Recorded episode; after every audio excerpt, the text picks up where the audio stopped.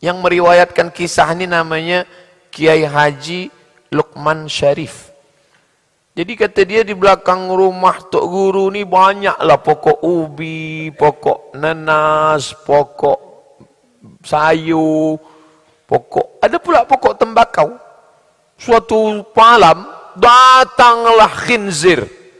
Beramai-ramai khinzir. Menghabiskan tanaman tadi. Esok pagi Tok Guru buka tingkap dia tengok. Eh, ubi habis, tebu habis, tembakau ha semua. Ada satu yang tak rosak, tembakau. Ternyata babi pun tak boleh juga makan tembakau. Ha. Ini tak ada kait mengait tentang haram. Cerita je. Cerita je. Hmm. Tak boleh sakit hati, mesti ridha mendengar cerita ni. Ha.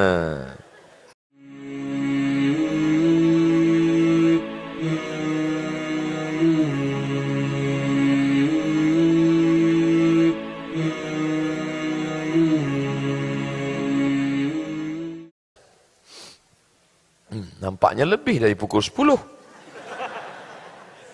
Berat tajuk ridha ni. Soalan, cara istiqomah dalam beribadah itu bagaimana? Untuk pemuda zaman now. Ada pemuda zaman all. Macam mana kita nak istiqomah? Satu, kita mesti faham dunia tempat persinggahan. Dulu yang singgah kemari datuk nenek kita. Lepas masa itu ayah bunda kita. Mereka pun dah tua, sekarang masa kita. Lepas kita ni pula anak kita datang.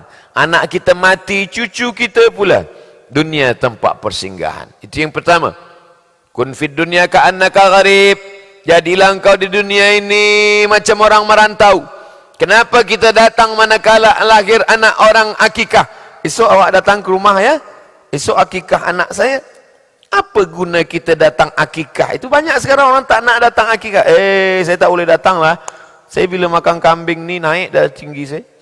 Jangankan nak makan kambing. Menengok kambing pun naik dah tinggi saya. Kita datang tu bukan nak makan kambing. Kita datang akikah nak tengok tapak kaki budak kecil dulu masa datang ke dunia ni dua jari panjang sejengkal. Itulah gambar engkau Abdul Somad makhluk lupa.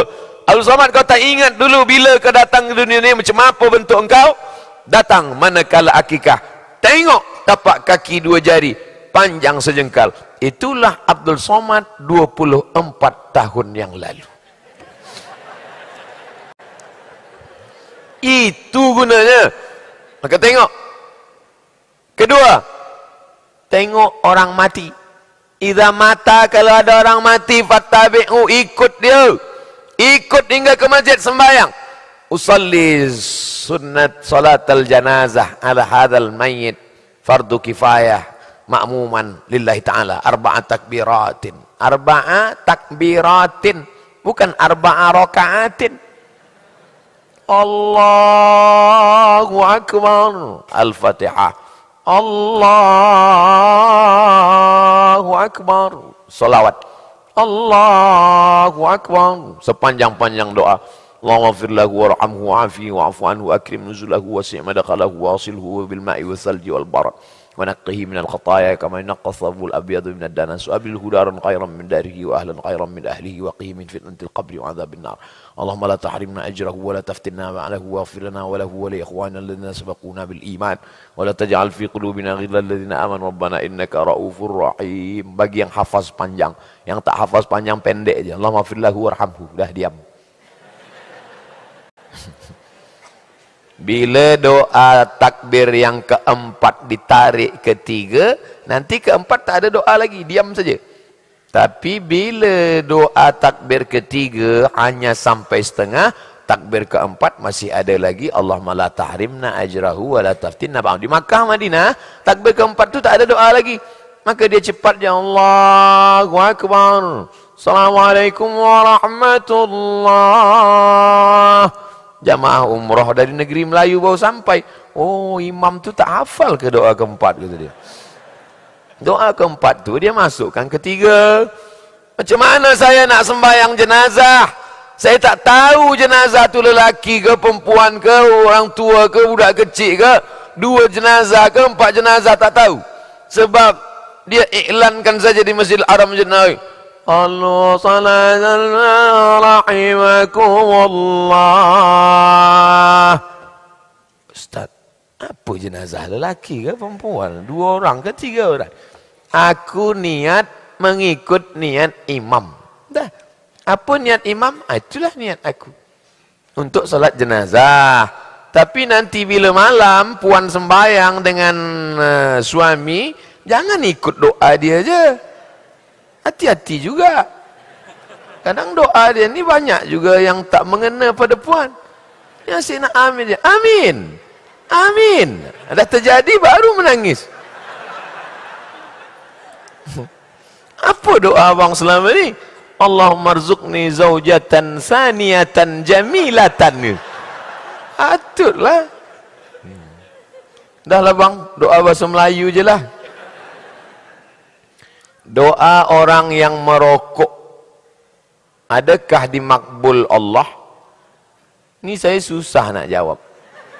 Sebab jamaah ni banyak rajin mengaji tapi rajin juga merokok. Saya tak tahu fatwa mufti di Malaysia. Fatwa mufti Sheikh Nasr Farid Wasil.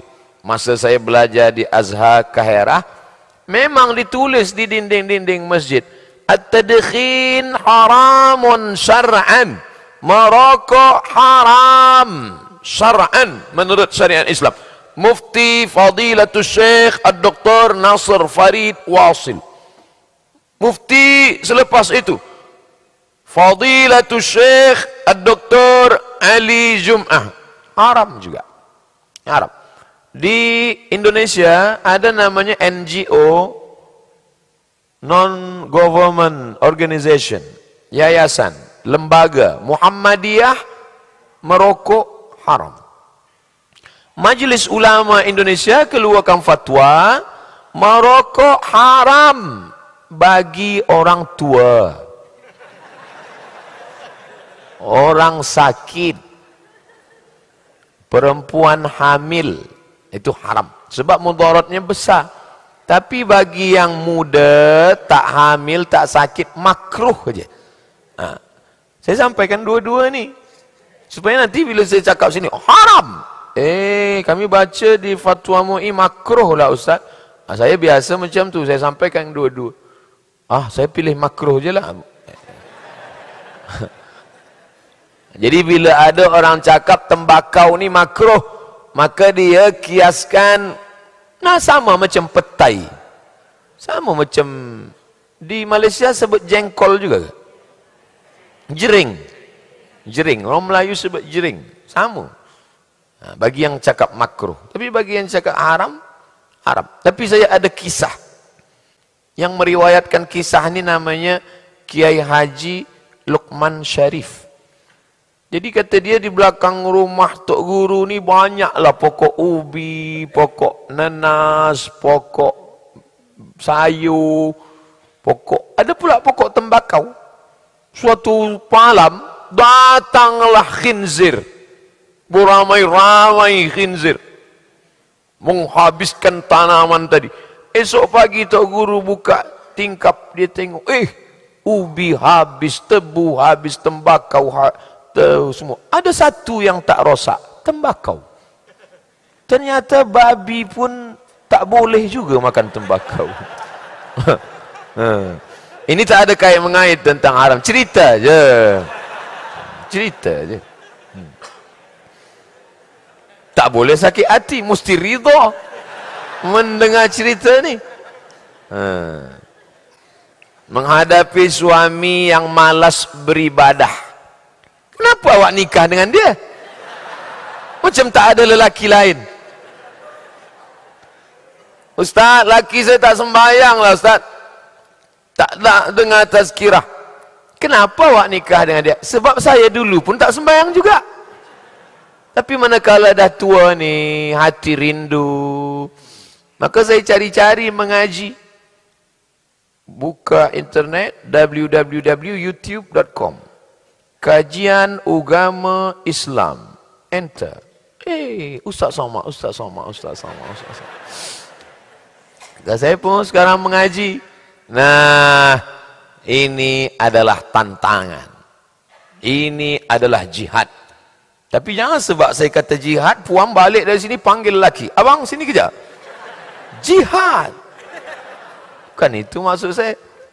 Maknanya, Ustaz sama bagi tazkirah pada orang baik-baik semua. Ini yang di hadapan saya ini semua orang baik-baik, soleh-soleh. Amin. Orang yang dah sembahyang, orang yang dah ke masjid. Tapi puan sedang menghadapi satu generation. Penerus Fir'aun. Bukan mami written, Fir'aun written. Ini. Ha, maka ayah sabar. Ayah dia Allah bika rajulan wahidan. Satu orang dapat hidayah kerana mulut engkau. Khairum min humurin na'am. Lebih baik daripada engkau memiliki seekor unta yang merah unta merah. Pernah ke tengok unta merah? Saya unta kuning je nampak. Yang tempat orang banyak ambil gambar 15 rial. Di Arafah. Unta merah. Unta merah tu bahasa Italinya Ferrari. Unta merah. Mahal kereta ni. Pintu dia satu. Kabarnya 2020 ni keluar kereta tak ada pintu lagi lebih mahal lagi. Tapi ada yang lebih mahal daripada dunia dan seisinya. Apa itu? Engkau dapat boleh sampaikan hidayah pada orang tak ada hidayah. Mudah-mudahan puan sampaikan hidayah ni pada suami puan insyaAllah. Ah, ini ya Allah jangan matikan aku sebelum laki aku ni sembayang. Dua gendangnya. Kalau tak dia mati, aku mati. Macam mana cara lah? Perempuan pandai. Tujuannya macam mana dia sembahyang? Macam mana cara dia boleh sembahyang? Perempuan paling pandai. Budak kecil tak nak makan. Budak kecil tak nak makan. Tapi puan pandai buat dia makan. Budak kecil ni suka pada bintang. Suka dia tengok bintang-bintang. Puan buatkan telur mata kebau bentuk bintang. Ah, nak makan bintang? Makan bintang? Ah, ah, ah, ah. Pandai. Puan paling pandai menyentuh hati lelaki. Sentuh dia tepat di hatinya, dia akan jadi milikmu untuk selamanya. Hmm, janganlah kata, ah, so sweet. Nah, oleh sebab itu maka puan paling pandai. Saya jumpa dengan seorang lelaki pakai jaket bertatu, pakai celana jeans, tak ada nampak orang macam dapat hidayah, macam gangster je. Macam mana tuan boleh rajin datang ikut tazkirah ni? Oh, cerita panjang Ustaz. Saya dulu tak suka tazkirah ni. Benci saya tengok orang ke masjid ikut tazkirah. Apalah tazkirah tu? Terus, suatu malam isteri saya telefon. Abang, jemput ambil saya di masjid ya. Awak balik sedialah naik taksi. Macam mana kalau driver taksi larikan saya? Oh, rupanya dia masih ada rasa sayang. Baiklah, saya jemput awak. Saya ambil awak ke masjid. Pukul sembilan, pukul sembilan setengah, tazkirah selesai. Rupanya hari itu bertambah hingga pukul sepuluh pula. Oh, pukul sepuluh.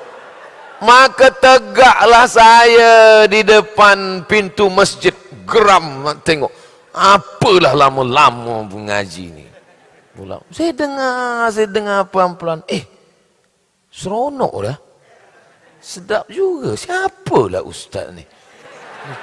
Oh, ternyata ustaz ni dari seberang. Dia dengar. Hari pertama saya dengar. Esok saya hantar dia. Esok saya duduk kerusi belakang. Esok saya duduk kerusi tengah. Lama-lama ikut terus tazkirah. Sebab apa? Bukan kerana ustaz. Bukan kerana YouTube. Kerana doa dan usaha seorang perempuan.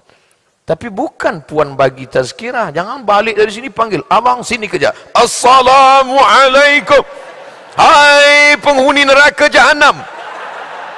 Eh, mana boleh? Hmm, doa malam-malam.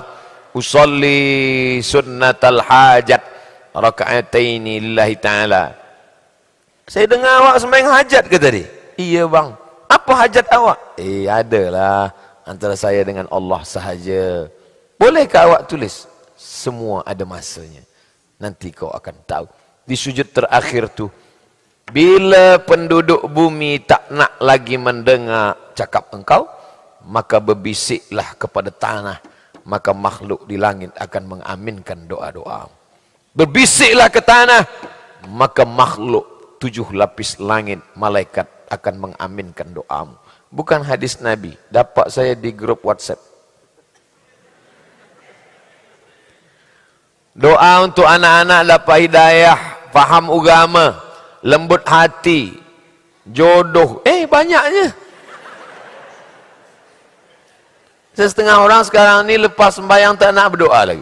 Assalamualaikum warahmatullahi Assalamualaikum warahmatullahi Fuh, balik. Eh, awak tak ada doa ke? Eh, doa lama je belum makbul. Takkan dah tambah banyak-banyak. Ad-doa mukhul ibadah. Doa itu utaknya ibadah. Tahukah kita sembahyang subuh kita tadi diterima Allah? Mana kita tahu? Kenapa kita terus sembahyang subuh? Sebab sembahyang adalah ibadah.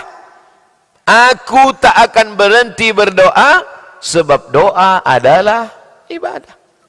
Banyak orang doa. Doa cepat eh. Doa khusyuk.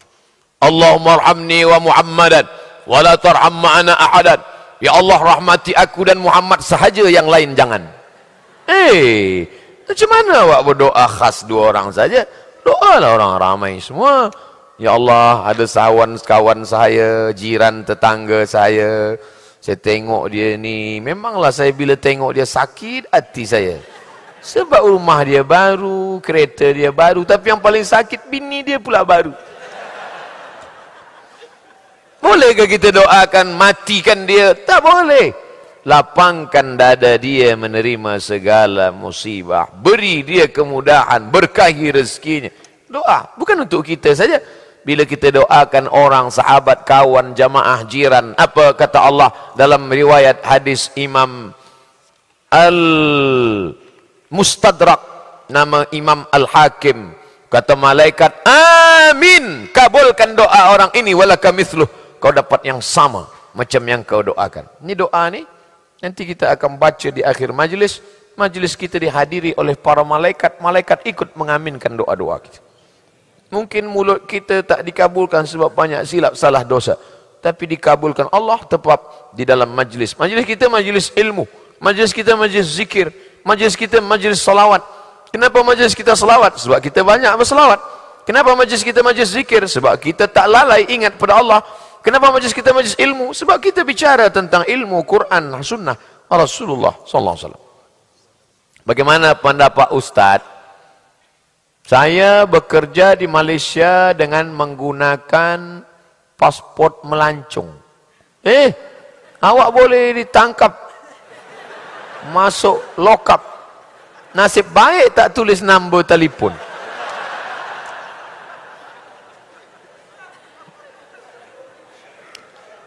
Ada orang Pakistan orang Bangladesh berdoa di samping Kaabah. Ya Rabbi sugul mapi ikomah mapi ya Allah kerja tak ada visa pun dah habis. Polis di belakang. Ha?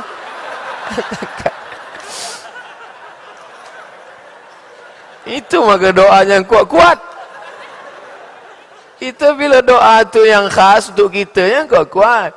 Doa nak dapat sakratul maut husnul khatimah elok kuat. Allahumma awin alaina fi sakaratil maut. Elok kuat. Tapi ada masanya doa tu tak boleh kuat-kuat. Termasuklah doa awak tak boleh kuat. Angkat polis baru tahu. Ya Allah, belum juga lagi dapat jodoh ya Allah. Eh, awak belum kahwin ke kata dia? Hati Allah taat kepada Allah. wa ati'ar rasul taat kepada rasul. Wa ulil amri. Kita hidup di negara. Negara ini ada sultan ada raja ada menteri besar ada prime minister ada peraturan perundang-undangan. Maka kita mesti ikut.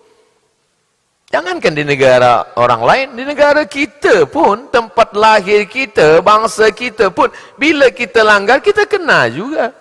Saya, walaupun saya ustaz, saya bawa kereta, tak ada lesen, tak pakai helmet, datang, polis.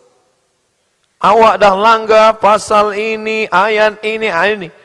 Macam mana ni? Ati Allah wa ati Rasul. Taraktu fikum amraini ku tinggalkan dua perkara sahaja. Hanya dua saja, Quran dan sunnah. Lain daripada itu bid'ah wa kullu bid'atin dalalah. Eh, kita hidup di dunia, ada aturan. Mereka bermesyuarat.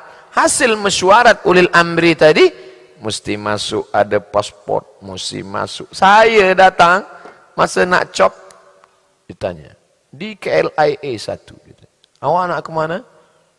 Nak Kuala Lumpur. Hmm. Ada surat jemputan. Nak buat apa? Nak buat kerja ke berapa hari? Tiga hari. Nak buat kerja ke? Hmm, tak. Nak tazkirah. Awak ikut tazkirah ke bagi tazkirah? Dalam hati saya, awak tak tengok YouTube ke?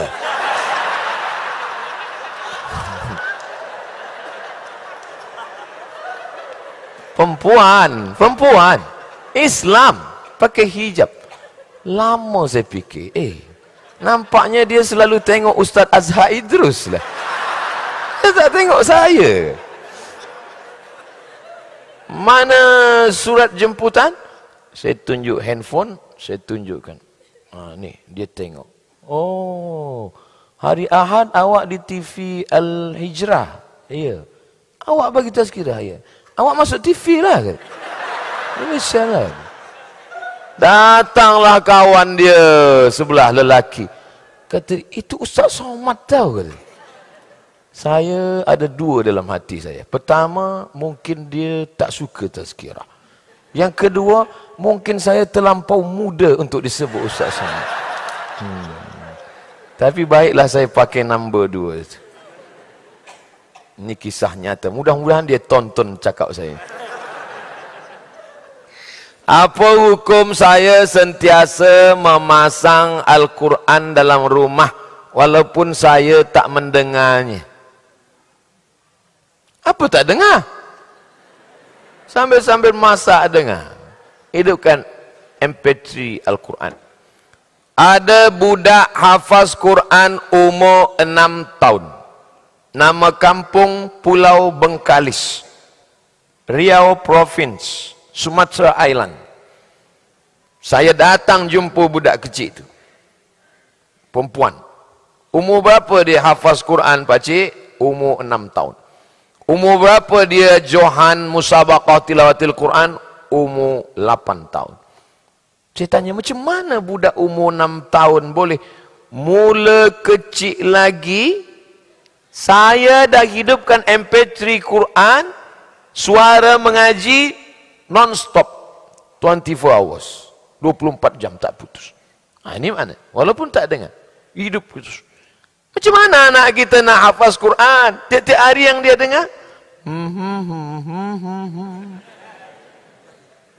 lagu hantu semua.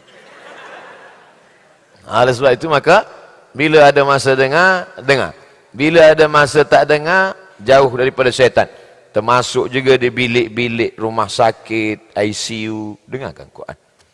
Termasuk juga lah pada orang-orang tua usia emas, dengar Quran. Perempuan, maaf-maaf, masa uzur, dia tak boleh baca Quran, dia tak sembahyang, setan dekat. Masuk setan. Duduk di tepi tingkap, mulut menganga.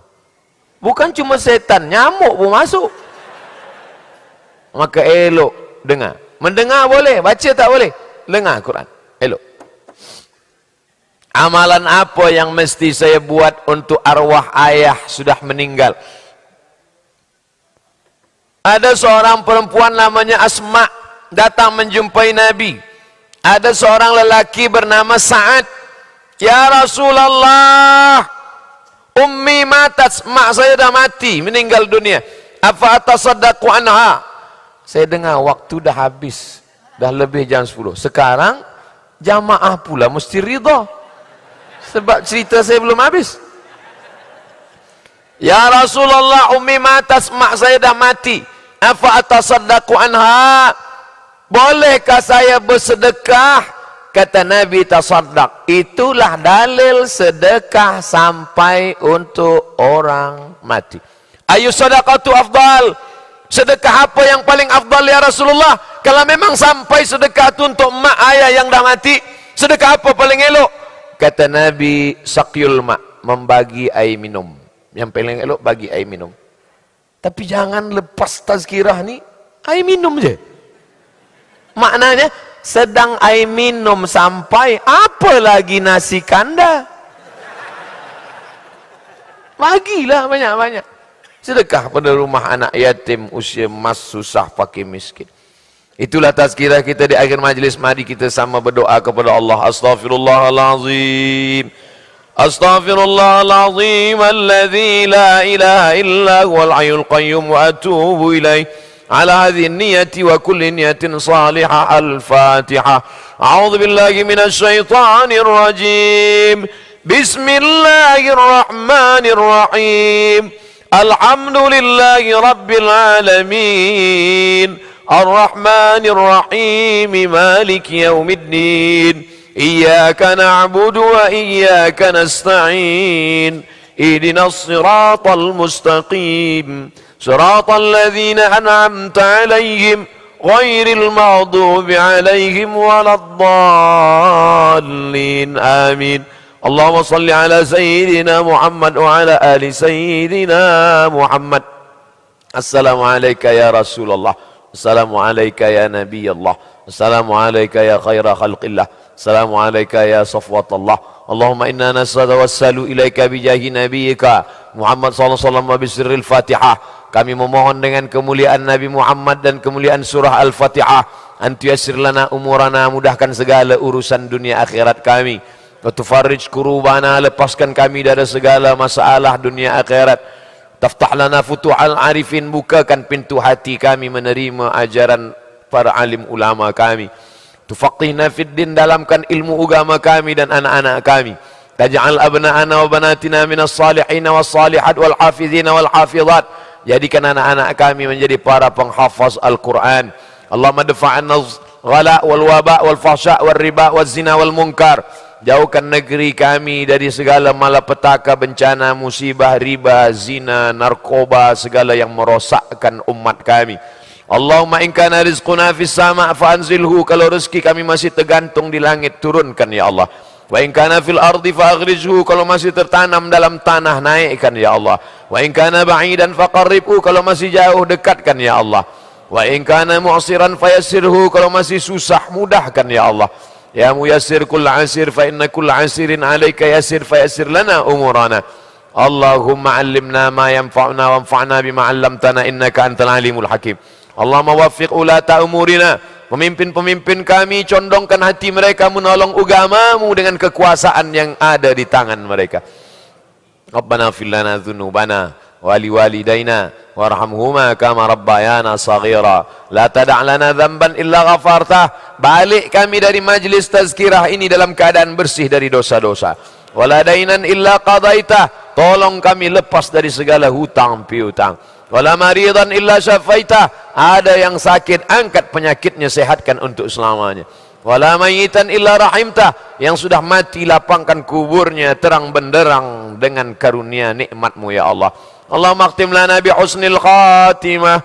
Wala taqtim alayna bi su'il khatimah. Allah maj'al akhira kalamina inda intihai ajalina. Jadikan akhir kalam kami manakala ajal kami sampai kalimah yang keluar dari mulut kami la ilaha illallah Muhammadur Rasulullah sallallahu alaihi wasallam kalimatu haqqin 'alaiha nahya wa 'alaiha namutu wa biha nub'atsu insyaallah ta'ala minal aminin Rabbana atina fid dunya hasanah wa fil akhirati hasanah wa qina adzaban nar وصلى الله على سيدنا وشفيعنا ومولانا محمد وعلى آله وصحبه وسلم والحمد لله رب العالمين تقبل الله منكم minna wa minkum taqabbal ya karim terima kasih segala perhatian mohon maaf banyak silap salah cakap tak berkenan di hati menyinggung perasaan puan dan tuan datuk datin muslimin musliman assalamualaikum warahmatullahi wabarakatuh